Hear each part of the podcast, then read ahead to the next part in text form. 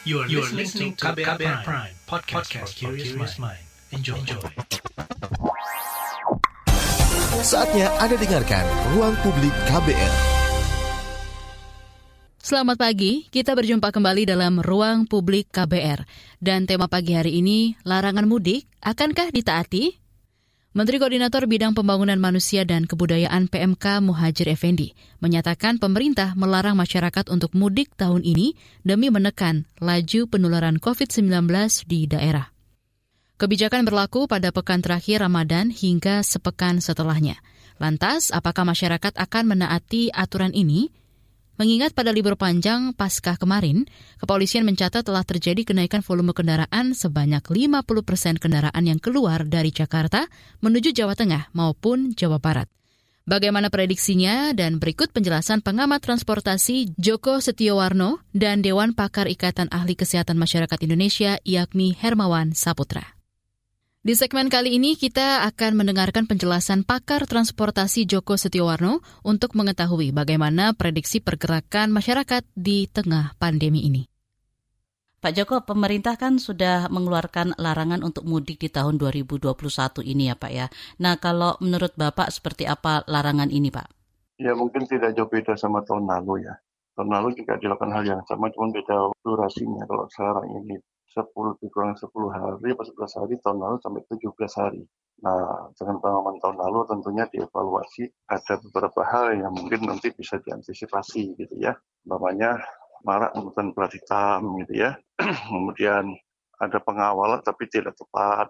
Kemudian ada surat saksi ini juga kadang-kadang menjadi hal memberatkan buat yang mau menggunakan itu. Nah, kemudian sepeda motor ini memang susah dihalangi karena memang tahun lalu itu uh, yang dijaga 24 jam itu kan hanya di jalan tol, jalan lainnya tidak. Sehingga jangan roda dua, roda empat masih bisa berjalan gitu loh. Ya ini tidak terlepas dari anggaran juga. Makanya dari awal saya katakan kalau kita ingin benar-benar melakukan itu, bukan dilarang, tapi lebih istilahnya diatur dan dikendalikan itu mungkin lebih tepat. Karena kalau dilarang itu masyarakat kita itu seperti sekarang pun sudah mulai bergerak ini. Jadi sebelum tanggal 6, mereka sudah sudah pulang kampung ini. Contohnya kemarin itu kan, jalan sudah padat dan sebagainya. Ini terus, kalau kita lihat apa uh, uh, fenomenanya itu, coba aja dilihat uh, penyewaan mobil di daerah itu kan meningkat sampai dengan tanggal 6. Nah, tanggal 6 sampai 17 biasanya karena tidak boleh beroperasi di bandara, di pelabuhan, di stasiun dan terminal menurun. Dan setelah itu naik lagi. Jadi sebaiknya tidak dilarang, tapi diatur dan diawasi ya Pak ya. Nah diatur dan diawasi ini sebaiknya dilakukan oleh pemerintah pusat atau pemerintah daerah Pak? Saya pikir aturan itu satu saja. ya. Pengalaman saya kemarin dengan beberapa orang mau ke Kalimantan Barat. Kan tidak tahu ada aturan kalau udara harus pakai PCR ya. Kemudian laut pakai antigen. Ternyata daratnya bebas itu kan. Nah, artinya kan nggak jelas. Itu pemda-pemda seperti itu mestinya mendagri itu juga menegur karena aturan-aturan itu kan yang tidak jelas itu diabaikan aja atau dianulir. Kan memberatkan juga, bukan memberatkan itu kalau kan menipu juga tidak, tapi kan menjadi tidak jelas karena masing-masing Pemda buat sendiri, andaikan di Indonesia ada 500 Pemda dibuat masing-masing kan jadi pusing juga kan masyarakatnya. Cukup satu, sepertinya Bali. Bali dia punya aturan kan yang buat kan yang mengeluarkan Satgas. Nah, jelas kan? Bukan Pemda Bali penginginkan, tapi dilontarkan ke Satgas biar yang membuat. Jadi masyarakat oh Satgas aturannya seperti ini. Itu. Dan lagi tapi kita mungkin belajarlah dengan negara tetangga kita Singapura Malaysia. Mereka kan tidak pernah melarang. Tapi silakan masuk negara saya ke Singapura. Anda masuk boleh tapi 14 hari saya karantina dulu. Ya kan? Nah tinggal mikir kan kalau saya cuti cuma tujuh hari kan nggak mungkin nggak jadi ya atau mungkin dia punya waktu lenggang tapi di sana dia bilang kalau nanti tes gas masuk kan ternyata hasilnya positif, bayar sendiri. Kan mikir juga kan mahal kan di Singapura. Nggak jadi pasu. Nah seperti itu. Jadi bisa juga di Indonesia itu kan sudah ada terbagi. Zona-zonanya ada yang masuk zona merah, zona kuning, hijau, sama apa. Oranye kalau salah Pak Ungu lupa saya. Nah itu dibuat aturan seperti itu. Mungkin karantinanya berbeda-beda, jenis tesnya berbeda-beda sesuai dengan zona itu. Nah tinggal masyarakatnya yang mengatur sendiri, tapi ini memang harus satu aturan, jangan masing-masing Pemda buat sendiri-sendiri. Gitu. Tapi tahun lalu kan juga sudah ada Pak uh, langkah untuk melakukan apa namanya uh, karantina terhadap orang-orang yang datang. Tapi kan sepertinya itu juga tidak efektif untuk menahan orang yang datang dan juga proses karantinanya sendiri juga mungkin tidak bisa terawasi dengan baik, Pak, kalau begitu. Karena tahun lalu juga sama, masing-masing Pemda itu beda-beda karantinanya. Solo buat, tetangganya tidak, kan bingung masyarakatnya. Padahal tetangganya itu mau ke Wonogiri, kan harus lewat Solo deh. Lagi mana coba jalannya. Nah, jadi kalau dibuat satu, itu tinggal masyarakatnya me, apa ya, ya suruh bayar, jangan suruh gratis bayar gitu kan. Nah, tapi nanti ini memang perlu pemikiran juga, perlu waktu. Tapi ya kalau kita ingin masyarakat kita jangan apa ya, jangan dia salah jalan, tapi diajak berpikir lah. Tapi yang penting memang protokol kesehatan menjadi hal utama. Kalau tes segala macam tes itu kan bentuk indikator aja melihat apakah orang tertular atau tidak sebenarnya. Tapi kalau intinya dia menjaga protokol kesehatan mau ke mana pun insya Allah ya aman-aman aja gitu. Kalau dari uh, tadi seperti Anda jelaskan kan tahun lalu itu uh, darat banyak yang menjadi pilihan karena tidak perlu ada tes uh, dan juga sepeda motor bahkan bisa bebas gitu ya Pak ya tanpa penyekatan begitu. Kalau tahun ini seperti apa Anda melihat pilihan uh, moda transportasi apa yang tetap dipilih masyarakat kalau memang mereka ingin tetap uh, mudik Pak? Ya kalau tahun lalu kan tesnya anti anti tes rapid ya. Rapid itu harganya mahal, lebih mahal daripada tarif naik angkutan umum akhirnya kan berbohong semua kan. Nah, kalau sekarang sudah ada Genos, tapi kan pakai Genos saja. Genos itu murah. Katakanlah sekarang di terminal-terminal tipe A digratiskan. Kira negara mampu lah. Biar juga menaikkan apa ya kinerja angkutan umum perkotaan. Dan ketimbang ngasih uang ke mereka kan, kalau ini kan mereka bekerja dapat penumpang, tapi penumpang wajib tes genos. Dan genos kan produksi dalam negeri juga. Meskipun ada yang mengatakan itu belum apa izin BPOM saya juga nggak tahu apa kata antigen rapid juga ada BPOM yang berizin saya belum tahu juga gitu kan nah, tapi harganya kan dari dulu 750 sekarang tinggal 150 itu kan bisnis untuk rakyat gitu rakyat dibuat bisnis gitu kan. Nah gitu loh. Tapi menurut anda sebenarnya uh, penggunaan uh, uh, syarat untuk tes kemudian menggunakan tes yang katakanlah paling mahal begitu misalnya seperti PCR begitu Pak itu efektif untuk uh, menekan laju masuknya uh, masyarakat ke satu daerah Pak? Saya kira kalau konsisten bisa, tapi kalau Kalimantan Barat ini tidak konsisten. Dilakukan udara, laut juga, daratnya enggak. Ya berarti soal orang naik udara itu bawa penyakit gitu kan. Yang daratnya memangnya tidak gitu kan. Banyak lewat darat itu. Nah, itu kan berarti pemdanya nggak konsisten. Nah, hal aturan seperti itu yang apa Kemendagri itu Menteri Dalam Negeri juga harus menilai. Ya kan kalau buat buat semuanya sama minimal ya jangan ada pengecualian kalau mau kita benar-benar ingin menangkal terlarangnya itu. Ya. Tapi tentunya Pemda juga harus konsisten juga kalau ketika pengusaha angkutan umum itu merasa keberatan tidak ya beban-beban angkutan umum yang ada di daerah itu juga dihilangkan nggak boleh beroperasi tapi tetap pajaknya dikenakan, akhirnya suruh bayar, itu kan berarti kan mereka membunuh usaha angkutan di daerah. Gitu. Nah, kalau uh, yang untuk aturan pelarangan tahun ini kan Pak ada sejumlah uh, aturan yang akan diterapkan nantinya di antaranya uh, terkait denda dan juga sanksi pidana Pak. Bagaimana Anda melihat uh, kedua hal tersebut Pak? Dan apakah hal ini akan efektif untuk uh, menekan laju pergerakan masyarakat Pak pada mudik nanti Pak? Ya, dendanya mungkin mengacu pada undang-undang darurat kesehatan ya, kalau nomor 8 2018 itu. Acuannya mungkin di situ. Kalau itu kan dasarnya udah undang-undang. Ya silakan aja nanti dilihat sejauh mana kebijakan itu. Tapi kalau memang konsisten ya jaringan jalan yang ditutup itu ya 24 jam ya semua jaringan jalan 24 jam juga. Tapi butuh biaya besar gitu kan. Nah pilih yang mana sekarang anggaran cukup besar loh itu. Hmm, mau pilih yang mana atau rakyat kita diberikan apa penawaran tadi saya bilang zona-zona itu. Nah, itu efektif yang mana? Gitu. Setelah pemerintah mengeluarkan larangan untuk mudik kan ada gerakan uh, mudik dilarang kami tetap pulang tuh Pak di sosial media. Nah, seperti apa Anda melihat sebenarnya uh, gerakan seperti ini Pak? Apakah memang uh, masyarakat sudah uh, tidak peduli dengan larangan-larangan seperti ini atau memang karena kurang efektif penerapan uh, larangan tersebut Pak sehingga gerakan-gerakan serupa muncul Pak? Ya tahun lalu itu pada masa mudik itu sekitar 1,2 juta masih masuk ke Jawa Tengah. Ya saat ditutup pun masih ada yang masuk. Tadi saya katakan mereka menggunakan sepeda motor. Mungkin sekarang naik sepeda kali kan tiap minggu sudah latihan tuh di Jakarta itu kan iya bisa jadi orang kita akal-akalannya banyak. Saya kan mau bersepeda pak, di atas nggak ada bersepeda, ada sepeda dia. Maaf pak, dia bawa mobil titipkan di perpandian naik sepeda, balik lagi sana jemput lagi. Makanya saya selalu katakan, lebih kita atur, kita kendalikan. Itu lebih ngajar masyarakat berpikirlah. Ya, nah sekarang pun sudah bergerak sebenarnya sebelum tanggal 6 mereka sudah mobilitasnya itu pasti tinggi. Bukan hanya minggu ini, minggu depan coba dilihat, mas pasti tinggi di akhir pekannya mereka manfaatkan itu untuk ya cuti masih bisa kan ya udah mereka cutinya hari Jumat Sabtu Minggu lumayan kan tiga hari tol sudah lancar gitu ya. Jadi sebenarnya efektifnya larangan dilakukan lalu langsung diterapkan begitu Pak. Apakah itu lebih efektif Pak? Karena semua kemudian masyarakat tidak punya waktu untuk bergerak dan mencari kesempatan.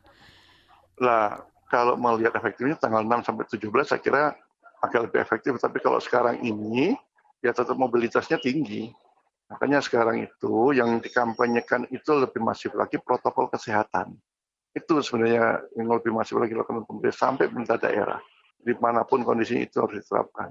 Intinya kan di situ, masalah tes segala macam jenis tes itu kan indik, untuk mencari indikator apakah orang tertular atau tidak. Tapi kalau masing-masing individu ya punya kesadaran menjaga protokol kesehatan, saya kira insya Allah nggak tertular begitu banyak lah setelah setahun kita masih uh, perlu terus menekankan uh, penerapan protokol kesehatan ini ya Pak ya, karena sepertinya masih makin kendur, makin ke kemari ya Pak ya. Saya lihat begitu, jadi seolah-olah karena sudah vaksin sudah kendur, pada mau vaksin dan tidak ya tetap aja, karena ini kan akan merubah perilaku kita. Apakah uh, virusnya hilang? Enggak, saya bilang sekarang. Oh, virusnya flu juga masih ada sampai sekarang kan kita tetap flu kan. Nah sekarang bagaimana kita mengantisipasinya aja itu yang penting. Berarti kita harus menjaga kesehatan kita. Makanya kalau di transportasi itu uh, berpikirnya selama ini kan aman, nyaman, selamat. Ditambah transportasi yang higienis gitu dalam kehidupan kita. Nah, kalau Anda lihat sejauh ini seperti apa uh, sosialisasi transportasi yang higienis ini, Pak, dan seperti apa uh, apa namanya uh, penyedia transportasi merespon himbauan-himbauan ini, Pak? Di awal-awal bagus, cuman kelampanya sekarang mulai kendor lagi. Nah, itu harus dimulai lagi, diperketat lagi di terminal dan sebagainya itu harus mulai diperketat lagi. Nah, dengan dua tahun berturut-turut penerapan larangan mudik ini, Pak, seperti apa Anda melihat dampaknya terhadap sektor transportasi kita, Pak? Ya, sebenarnya banyak yang terdampak yang agak kurang ditolong itu transportasi darat, angkutan umumnya ya. Kalau udara masih dapat subsidi tiket, lalu juga sama kereta api juga ada subsidi PSO, nah, darat tidak. Tahun lalu sebenarnya ada bantu lah untuk sopir kalau nggak salah sebulan 400 ribu rupiah selama tiga bulan jadi 1,2 juta namun yang terjadi di daerah itu mereka tidak terbagi. Artinya tidak tepat sasaran. Yang dapat justru sebagian adalah para driver ojol sama opang. Nah iya karena apa? Tidak koordinasi dengan organisasi tempat. Mestinya organisasi apa um, diskusi atau uh, apa koordinasi dengan organda di kabupaten dan kota. Mereka kan punya data. Memang kita tidak punya apa uh, eh, PBB, dia kan punya bengkel, punya kantor kan, punya lahan. Nah itu pada daerah kemudian ada, ada tujuh item saya lupa itu ya. Nah itu mestinya di Pemda itu membebaskan dulu untuk sementara waktu. Kembali kami ingatkan kalau ruang publik ini adalah rekaman, jadi kami tidak bisa menerima telepon dari pendengar. Di segmen berikutnya, kita masih akan mendengarkan penjelasan pakar transportasi Joko Setiawarno. Masih Anda dengarkan Ruang Publik KBR. Commercial break. Commercial break. Anda sering gelisah, tidak bisa tidur nyenyak selalu merasa ada yang merasuki pikiran Anda. Ini bukan iklan horor atau cerita seram, tapi kalau Anda mengalami hal seperti itu, Anda pasti ketinggalan berita terupdate yang lagi ramai diperbincangkan. Gak mau kan dibilang ketinggalan berita?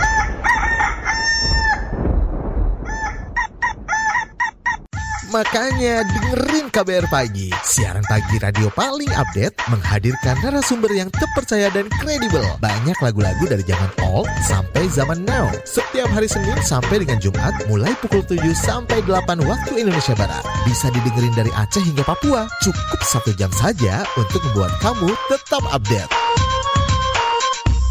Woi, ayam siapa nih? Berisik, saya mau dengerin kabar pagi. Masih Anda dengarkan Ruang Publik KBR. Anda masih mendengarkan Ruang Publik KBR. Masih bersama pakar transportasi Joko Setiowarno. Kembali lagi seperti tadi uh, terkait pelarangan mudik juga ini ada kaitannya dengan uh, kurang uh, sinerginya uh, aturan antar daerah juga begitu ya Pak ya? Betul, ini perlu seperti itu. Jadi Pemda itu dia taat pada Kementerian Dalam Negeri. Itu yang dilihat. Kementerian lain juga enggak. Karena undang-undangnya seperti itu. Mereka dengan PU ya butuh mau jalan aja. Kalau dia nggak butuh jalan ya nggak mungkin dia mau ke PU ke perhubungan dia butuh bangun dermaga bandara baru ke perhubungan kalau nggak ada ya nggak peduli dia. Itu. Makanya Kemendagri itu juga harus bergerak. Jangan diam saja cuma menghimbau nggak boleh surat menghimbau itu. Buat aturan untuk untuk sementara waktu daerah agar cabut untuk sementara waktu tidak tidak ditarik retribusi dan pajak terhadap angkutan umum. Jadi bisa dikatakan saat ini perusahaan transportasi di daerah untuk beberapa daerah ada yang menikmati pencabutan uh, semacam pajak dan juga ada yang belum ada, Pak. Belum ada. Karena tadi kan himbauan suratnya. Bukan penetapan, harus ditetapkan. Tetapkan saya yakin Pemda itu manut nanti. Mesti turut dia, dia akan taat. Selama himbauan dia lihat ini pemasukan kok. Kan Pemda itu juga melihat PAD juga. Kan lumayan dia bilang. Dan semua semua uh, pengusaha transportasi itu dia homebase memang di daerah bukan di pusat. Pusat hanya perizinan untuk trayek itu di pusat perhubungan ya. Nah, kalau untuk angsuran itu kebijakan dari OJK. Gitu terkait larangan mudik ini kan tidak hanya mungkin kita bisa lihat imbasnya terhadap sektor transportasi ya Pak Edwi juga mungkin sektor pariwisata yang mungkin sudah mulai kemarin agak bergeliat kemudian dengan larangan ini kan mungkin agak uh, bisa dikatakan kembali meredup begitu juga sektor kuliner dan oleh-oleh Pak. Nah seperti apa uh, dampak-dampak ini Anda lihat bisa diminimalisir atau paling tidak yang sudah ber munculan saat ini tidak tidak redup dengan adanya pelarangan ini, Pak? Ya paling tidak itu bisa bergeraknya regional saja. Makanya Bodetabek kan tidak dibatasi hanya Jakarta kan selama 10 hari atau 11 hari itu dia bisa bergerak di Jabodetabek. Artinya masih bisa. Jawa Tengah sendiri maunya sama DIY, regional Jawa Timur. Nah, saya kira itu masih masih bisa bergerak lah. ya Jangan dimatikan sampai kabupaten kota nggak. Nah, Makanya saya bilang masing-masing daerah itu biar tidak punya aturan, buatlah aturan itu satu di pusat.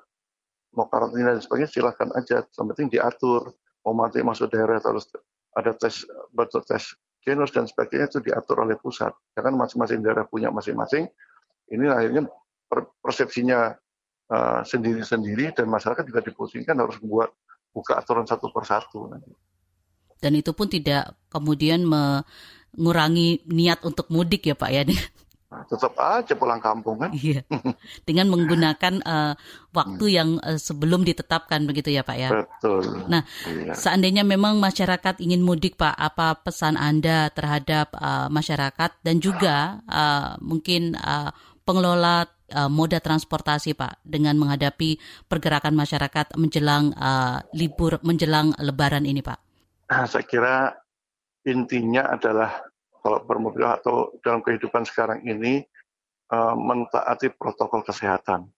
Ya kalau dulu nggak salah 3M sekarang jadi 5M ada kerumunan itu yang kadang-kadang kalau kuliner kan wah ini enak gitu kan. Nah, kerumunan seperti itu. Jadi kalau itu ditaati insya Allah aman lah ya. Nah ini yang harus di, di apa, propagandakan lebih masif lagi untuk semuanya taat pada protokol kesehatan. Mobilitas dilihat kalau tidak penting jangan. Tapi selama dia penting itu urgent sekali, ya ikuti aturan mobilitas yang benar sesuai dengan protokol kesehatan.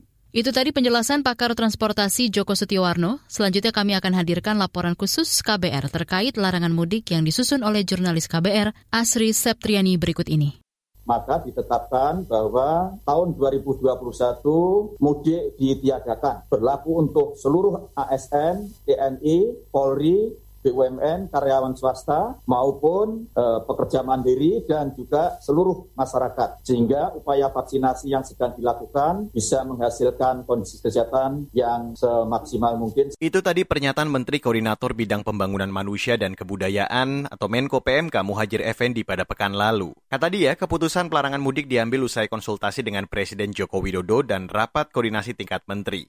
Larangan mudik berlaku untuk seluruh masyarakat pada 6 hingga 17 Mei 2021. Wakil Presiden Maruf Amin menuturkan larangan mudik lebaran diputuskan lebih awal guna mencegah masyarakat mudik lebih awal. Pertama, kenapa mudik dilarang? Pengalaman tahun yang lalu, lebaran, libur lebaran itu, walaupun sudah dilarang, tapi karena terlambat larangan ini terjadi, maka yang mudik itu besar dampaknya seminggu kemudian, sesudah lebaran itu, itu terjadi peningkatan hampir 90 persen. Wakil Presiden Maruf Amin mengatakan pemerintah tengah menyusun aturan guna mencegah masyarakat mudik sebelum tanggal larangan yang ditentukan, yakni 6 hingga 17 Mei 2021. Tak lama setelah keputusan larangan itu keluar, sejumlah daerah menyiapkan sejumlah langkah. Misalnya di daerah istimewa Yogyakarta. Di sana Pemprov bakal memperketat akses keluar masuk dari bandara hingga desa. Berikut penjelasan Sekretaris Daerah DIY Kadar Manta Baskara Aji. Tentu yang harus dilakukan juga tidak mungkin rasanya semua bisa terfilter. Oleh karena itu kewaspadaan teman-teman di posko RT, posko kelurahan itu tetap harus diefektifkan sehingga bisa dilakukan screening karena pergerakan itu bukan hanya yang mudik dari jauh tetapi juga bisa jadi antar antar kabupaten kita sendiri juga akan ada mobilitas yang cukup tinggi. Sementara itu, Gubernur DKI Jakarta Anies Baswedan tengah mengkaji peluang memperlakukan kembali surat izin keluar masuk atau SIKM ibu kota. SIKM merupakan aturan Pemprov DKI pada masa pembatasan mudik tahun lalu. Aturan itu tertuang dalam peraturan gubernur tentang pengendalian pergerakan penduduk pada masa lebaran. Tahun ini kita lihat apakah kita menggunakan pergub yang sama atau nanti ada aturan baru dari pemerintah pusat yang menjadi rujukan. Tapi kami dari tahun lalu sudah ada itu. Anda ingat kan SIKM? Jadi karena itu larangan mudik ini perlu diwujudkan dalam bentuk peraturan. Menurut Gubernur Jakarta Anies Baswedan, harus ada aturan yang konkret mengenai larangan mudik. Aturan itu penting agar petugas kepolisian dan dinas perhubungan memiliki dasar hukum kuat menindak masyarakat yang melanggar. Menteri Perhubungan Budi Karya Sumadi menjelaskan aturan pengendalian transportasi saat mudik saat ini tengah disusun. Mengutip situs Kemenhub, Menteri Budi mengatakan penyusunan aturan dilakukan melalui koordinasi intensif dengan berbagai kementerian dan lembaga terkait. Kemenhub juga bakal meminta masukan dari berbagai pihak sebagai bahan masukan dan pertimbangan menyusun regulasi tersebut, termasuk terkait sanksi bagi pelanggar. Namun pengamat transportasi Joko Seti Jowarno menilai perlu payung hukum berupa peraturan presiden atau perpres tentang pelarangan mudik lebaran tahun 2021. Menurutnya hal itu untuk mencegah tumpang tindih aturan yang bakal membingungkan masyarakat. Ia berharap perpres itu bisa dikeluarkan tahun ini agar bisa diimplementasikan secara nasional dan hasilnya bisa optimal. Nah, tahun lalu itu setahu saya ada dua SK itu. Nah, dua aturan, aturan Kementerian Perhubungan, Permenhub, sama aturan dari Gubernur DKI untuk warga Jakarta. Nah, ditambah daerah buat sendiri-sendiri. Eh, masyarakat tuh jadi bingung gitu ya. Ini tujuannya juga untuk memaksimalkan apa kepolisian juga dalam bertugas bahwa mereka bekerja itu punya payung hukum kan polisi tugas payung hukumnya apa? Ya di atasnya, ya peraturan presiden. Ya peraturan presiden itu hanya satu ketentuan untuk seluruh Indonesia. Ketua Bidang Perubahan Perilaku Satgas Penanganan COVID-19, Sony Haribe Harmadi mengakui, terjadi peningkatan kasus aktif usai libur panjang. Karena itu ia mewanti-wanti agar Indonesia tidak mengulangi kesalahan yang sama libur Natal dan Tahun Baru menunjukkan lonjakan kasus yang luar biasa. Paling tinggi, bahkan di tanggal 5 Februari kita mencapai kasus aktif sampai 176 ribu lebih tertinggi selama masa pandemi ini ya. Lalu kemudian libur akhir Oktober menciptakan lonjakan kasus, libur Agustus menciptakan lonjakan kasus dan seterusnya. Jadi kita harus belajar. Dari situ jelas bahwa pengendalian mobilitas, pengurangan mobilitas itu sangat berdampak terhadap penurunan kasus. Ia mencontohkan sejumlah negara kasusnya melonjak akibat berbagai pelonggaran serta tingginya mobilitas masyarakat. Maka dari itu pemerintah bakal terus berupaya mengingatkan masyarakat agar tidak mudik dan liburan. Saudara, laporan ini disusun Astri Septiani. Saya Reski Mesanto. Itu tadi laporan khas KBR. Kami ingatkan kembali kalau ruang publik ini adalah rekaman, jadi kami tidak bisa menerima pertanyaan dari pendengar. Jangan ke mana-mana, setelah jeda, ruang publik akan kembali. Masih Anda dengarkan Ruang Publik KBR. Terima kasih untuk Anda yang masih setia mendengarkan Ruang Publik dari KBR. Masih Anda dengarkan perbincangan pagi ini terkait rencana larangan mudik. Dan pada segmen ini, kami akan ajak Anda mendengarkan penjelasan Dewan Pakar Ikatan Ahli Kesehatan Masyarakat Indonesia IAKMI, Hermawan Saputra. Terkait larangan mudik di uh, masa lebaran 2021 ini Pak, seperti apa tanggapan Bapak dan juga melihat uh, pelarangan yang sama di tahun 2020 Pak? Ya, jadi belajar dari pengalaman 2020 terkait dengan mudik, maka keputusan adanya larangan mudik di tahun 2021 ini cukup tepat sebenarnya ya.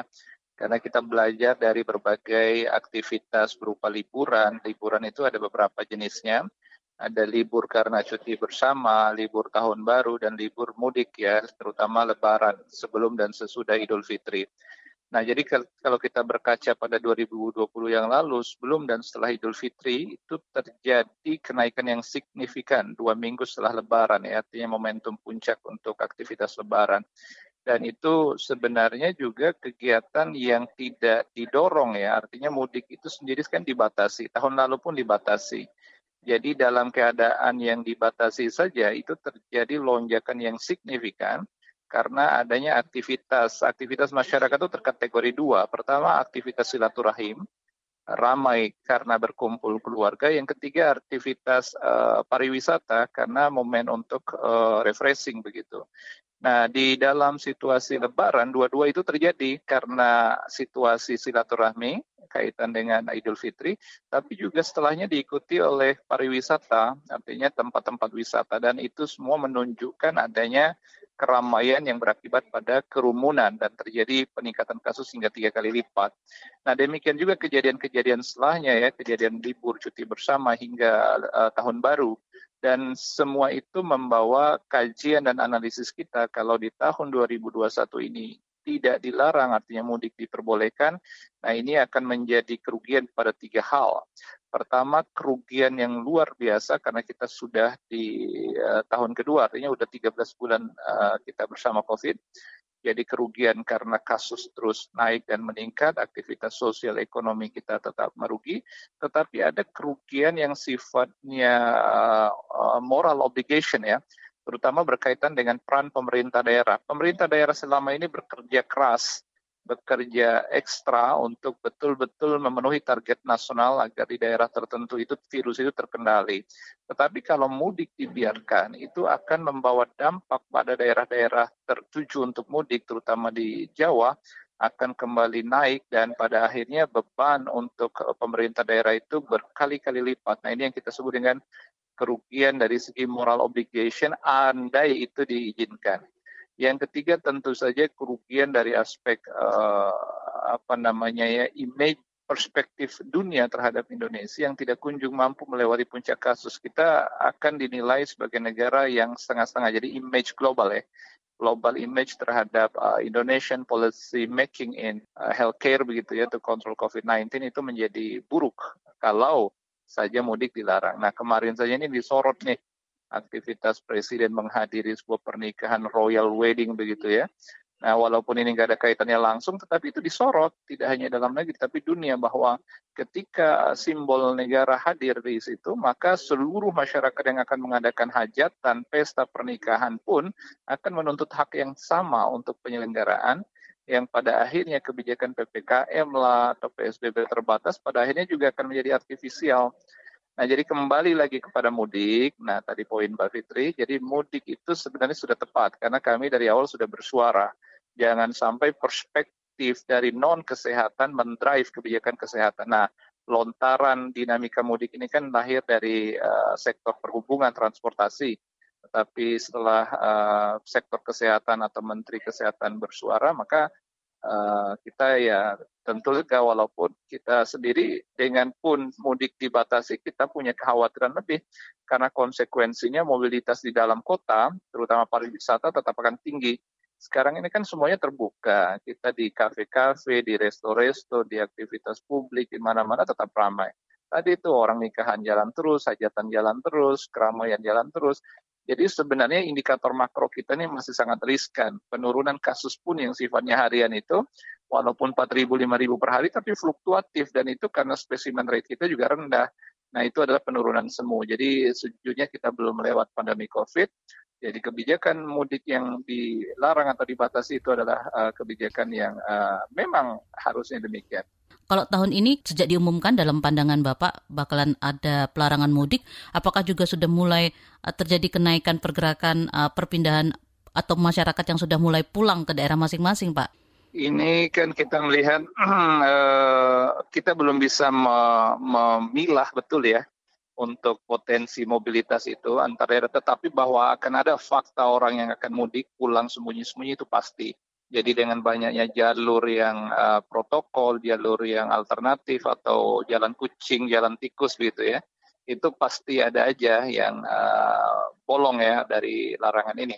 Nah, tetapi di sinilah yang kita inginkan agar pemerintah pusat dan pemerintah daerah itu melakukan koordinasi dan konsolidasi agar uh, betul-betul ditegakkan gitu loh. Ada law enforcement di satu sisi, tapi juga ada persuasif, ada kampanye, ada publikasi di awal yang mudik ini betul-betul dilarang gitu. Jadi jangan sampai ada yang memaksakan diri pulang yang pada akhirnya juga akan berdampak pada kenaikan. Tapi kalau kita berkaca kan dua tiga hari terakhir ini kan ada libur ya, libur agak panjang nih. Nah itu kan ada uh, kalkulasi dari uh, salah satu lembaga uh, litbangnya televisi itu ada 180 ribu lebih kendaraan yang bergerak dari luar Jakarta hanya karena ribut 3-4 hari. Nah kalau kita bicara angka itu berarti potensi ada 500 ribuan orang yang bergerak keluar Jakarta yang melakukan mobilitas. Kalau kita ambil 10 persennya ya, uh, jadi kita ada potensi sekitar 50 ribu nah potensinya. Nah, jadi sebenarnya inilah yang kita khawatirkan gitu. Nah, ini kita belum bicara musim mudik, ini baru libur eh, tiga empat hari kemarin ini. Nah, jadi uh, tantangan besar ini pun akan berkali lipat karena mudik pada akhirnya uh, yang mampu mengkalkulasi adanya mobilitas itu nanti pemerintah uh, daerah terutama yang akan melihat berapa kendaraan yang bergerak masuk dari jalur pribadi, jalur angkutan publik umum dan lain-lain.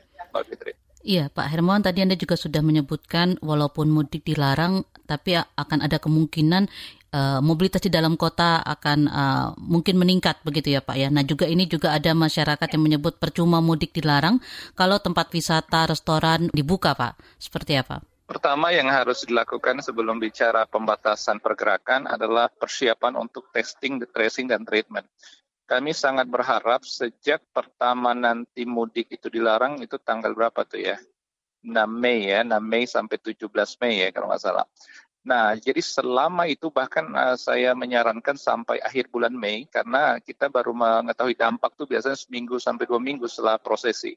Jadi uh, itu dinaikkan tiga kali lipat. Sekarang ini loh specimen rate kita masih 40 ribu, 50 ribu, minimal 150 ribu dan konsisten selama dua minggu bisa nggak?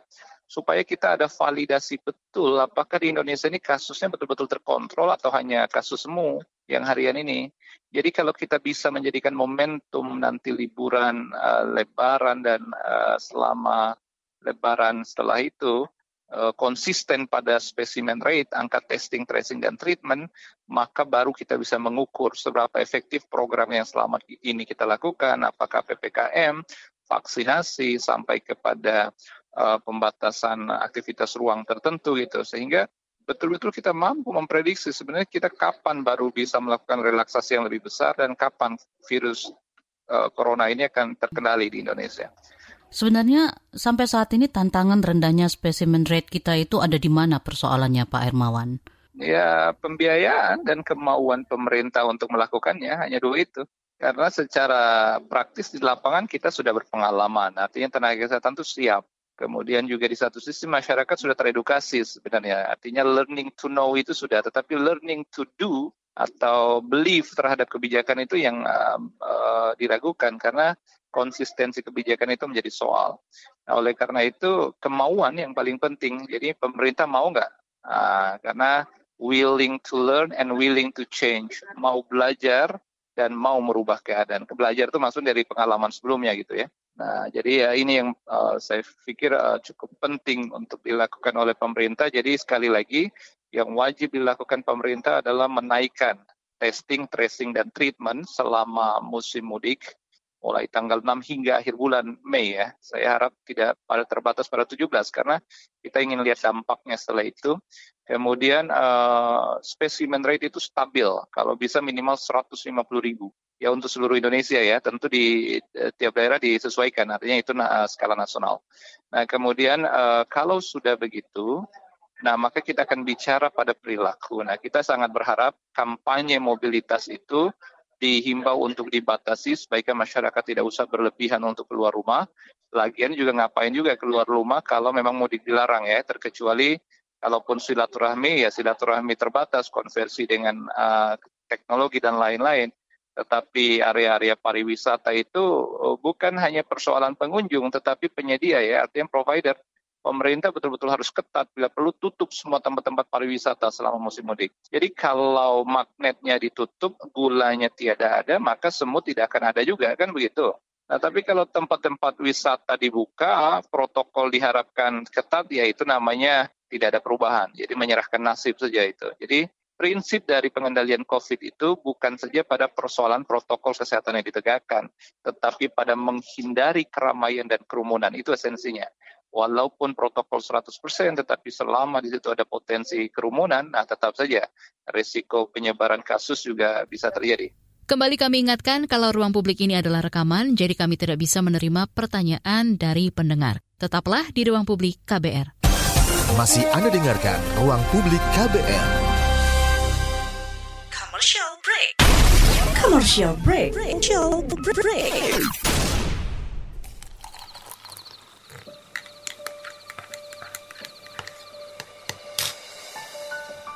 Hai, kamu apa kabar?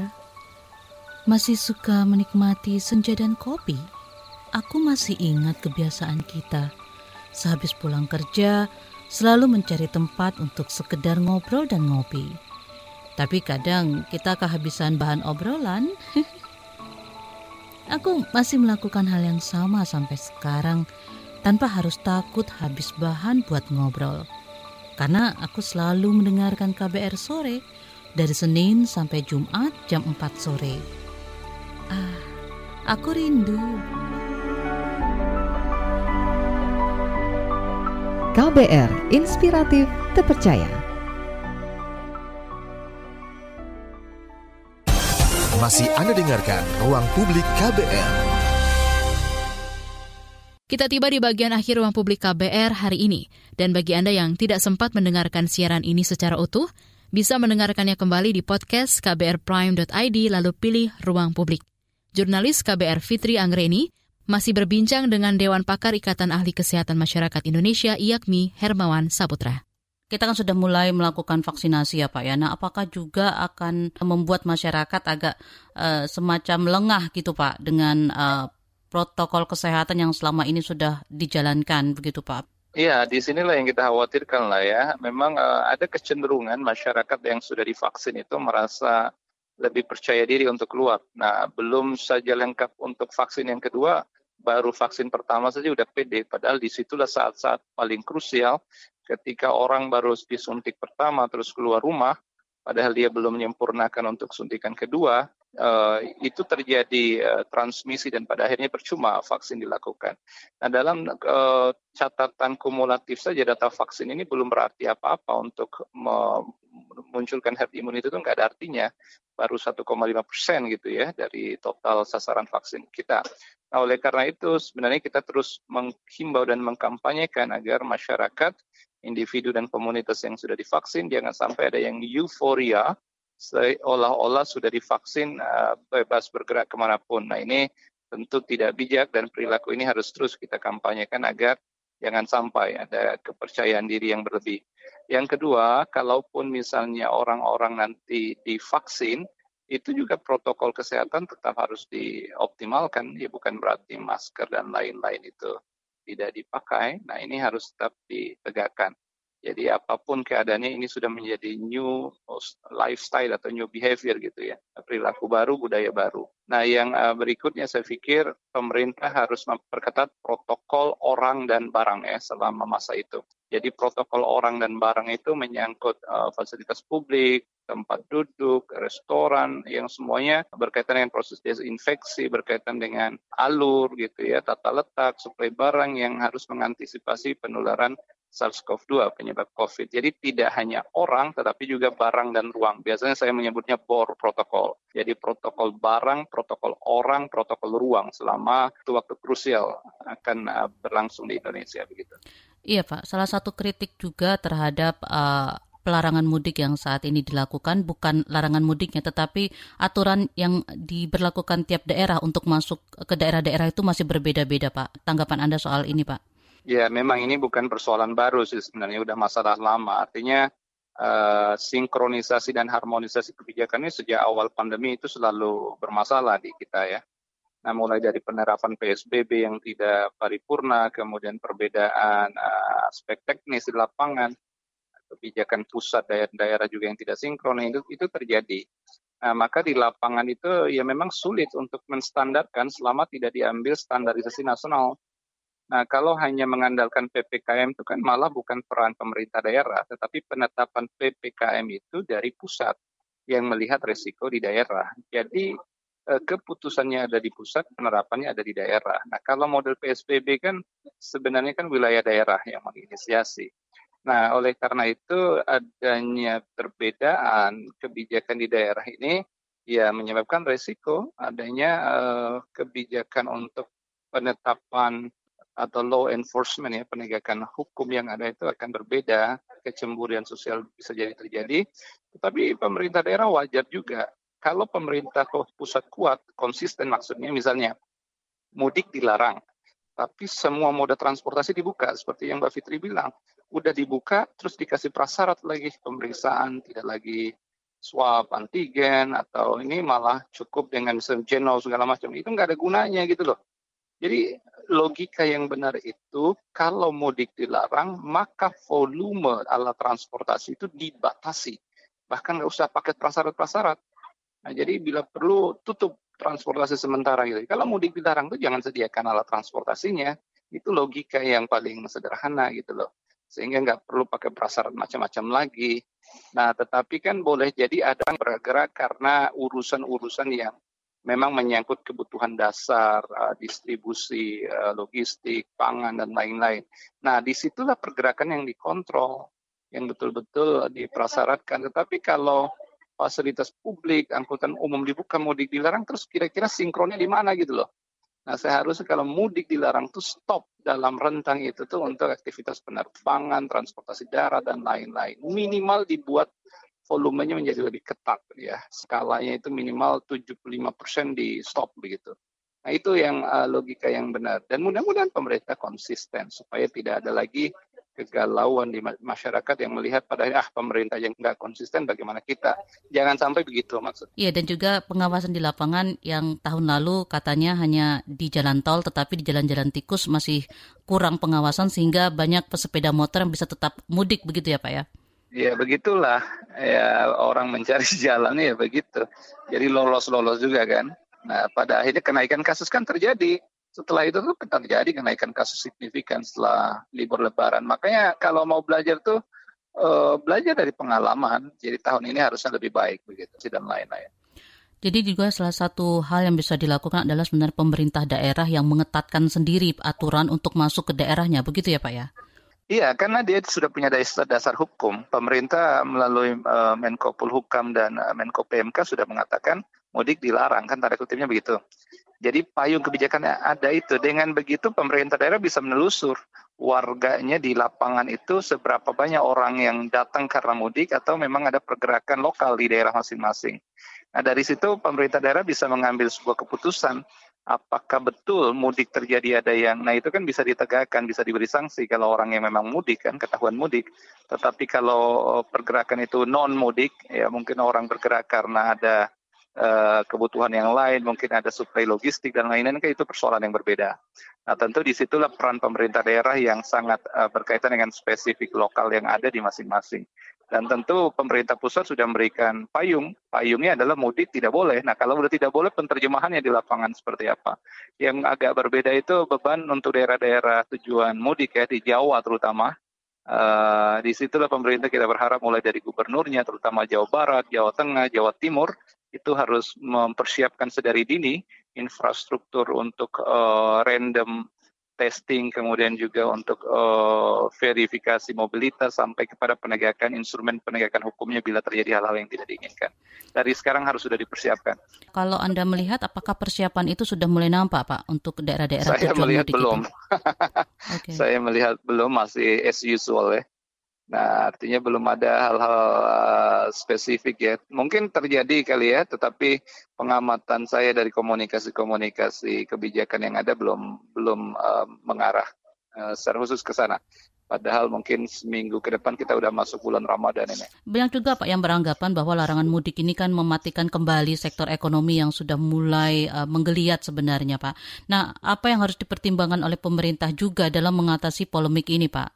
Iya ini kan pemerintah sebenarnya sangat terbuka. Makanya saya bilang tadi, sebenarnya semua aktivitas kita terbuka. Agak berbeda dengan tahun lalu yang PSBB masih diterapkan di beberapa daerah, minimal dua provinsi dulu ya, DKI sama Jawa Barat. Tapi kalau sekarang udah nggak ada pembatasan yang sifatnya khusus sebenarnya. Ya, jadi eh, ekonomi berjalan sebenarnya. Tetapi kalau di, dilihat dari perspektif ekonomi semata, akan berdampak ekonomi sekarang. Kalau kita biarkan mudik, uh, rela nggak kita mendengar angka kesakitan dan kematian berkali-kali lipat juga. Nah, jadi ya, kita melihat dari perspektif itu sekarang. Jadi kalau orang bisa mengatakan, oh kita akan terpuruk ekonomi karena mau digelar, nah, kalau begitu dibalik. Nah, rela nggak hati kita melihat saudara kita, sejawat kita, kolega kita mengalami kesakitan dan kematian yang berkali-kali lipat dan akhirnya memporak-porandakan semua kebijakan pengendalian COVID selama ini. Karena tidak main-main mudik itu, itu jutaan, puluhan juta orang akan mobilitas dalam satu periode waktu yang agak sempit dan kita tidak membayangkan semua biaya dan upaya yang sudah berlangsung 13 bulan semua menjadi sia-sia hanya karena mudik dibolehkan. Mau nggak kita? Nah, maka mudik itu bijaknya memang kita menahan diri, bersabar untuk tidak dilakukan. Tinggal bagaimana pengawasan, pengendalian, dan pemantauan yang harus dilakukan ketika pemerintah mulai uh, meluncurkan wacana untuk pelarangan mudik ini Pak juga muncul gerakan di sosial media uh, mudik dilarang kami tetap pulang Pak. Nah seperti apa Anda menanggapi gerakan uh, di online ini Pak? Ya itu tentu tidak bijak ya. Maka kita sebagai orang yang mawas, yang sadar, mari kita tingkatkan kesadaran, kesabaran, tidak boleh egois menghadapi pandemi COVID ini, tidak boleh terlalu percaya diri juga karena eh, kesabaran kita ini bukan hanya untuk diri kita, tapi untuk lingkup bangsa dan negara kita. Kita ingin semua orang terlindungi, semua orang beraktivitas uh, secara sehat, dan berharap suatu waktu semua kita terbebas dari COVID ini. Tetapi kalau ada sebagian orang yang egoistis, kemudian mengkampanyekan hal-hal seperti itu, sesungguhnya mereka sedang mengarah untuk menghancurkan bangsa ini dengan akan banyaknya korban karena pandemi COVID yang tidak selesai-selesai. Nah, mari kita bijak dalam mengkampanyekan secara sosial, bukan untuk diri kita dan keluarga kita saja, tapi untuk bangsa dan negara ini. Jiwa patriotisme kita harus kita tumbuhkan, rasionalitas dan kesadaran kita berkehidupan harus kita tumbuhkan. Gitu, Mbak Demikian ruang publik dengan tema larangan mudik akankah ditaati? Terima kasih untuk kedua narasumber, pengamat transportasi Joko Setiowarno dan Dewan Pakar Ikatan Ahli Kesehatan Masyarakat Indonesia IAKMI, Hermawan Saputra. Terima kasih juga untuk Anda yang sudah mendengarkan Ruang Publik edisi pagi hari ini. Saya Naomi Liandra, undur diri. Salam. Baru saja Anda dengarkan Ruang Publik KBR. KBR Prime, cara asik mendengar berita. KBR Prime, podcast for curious mind.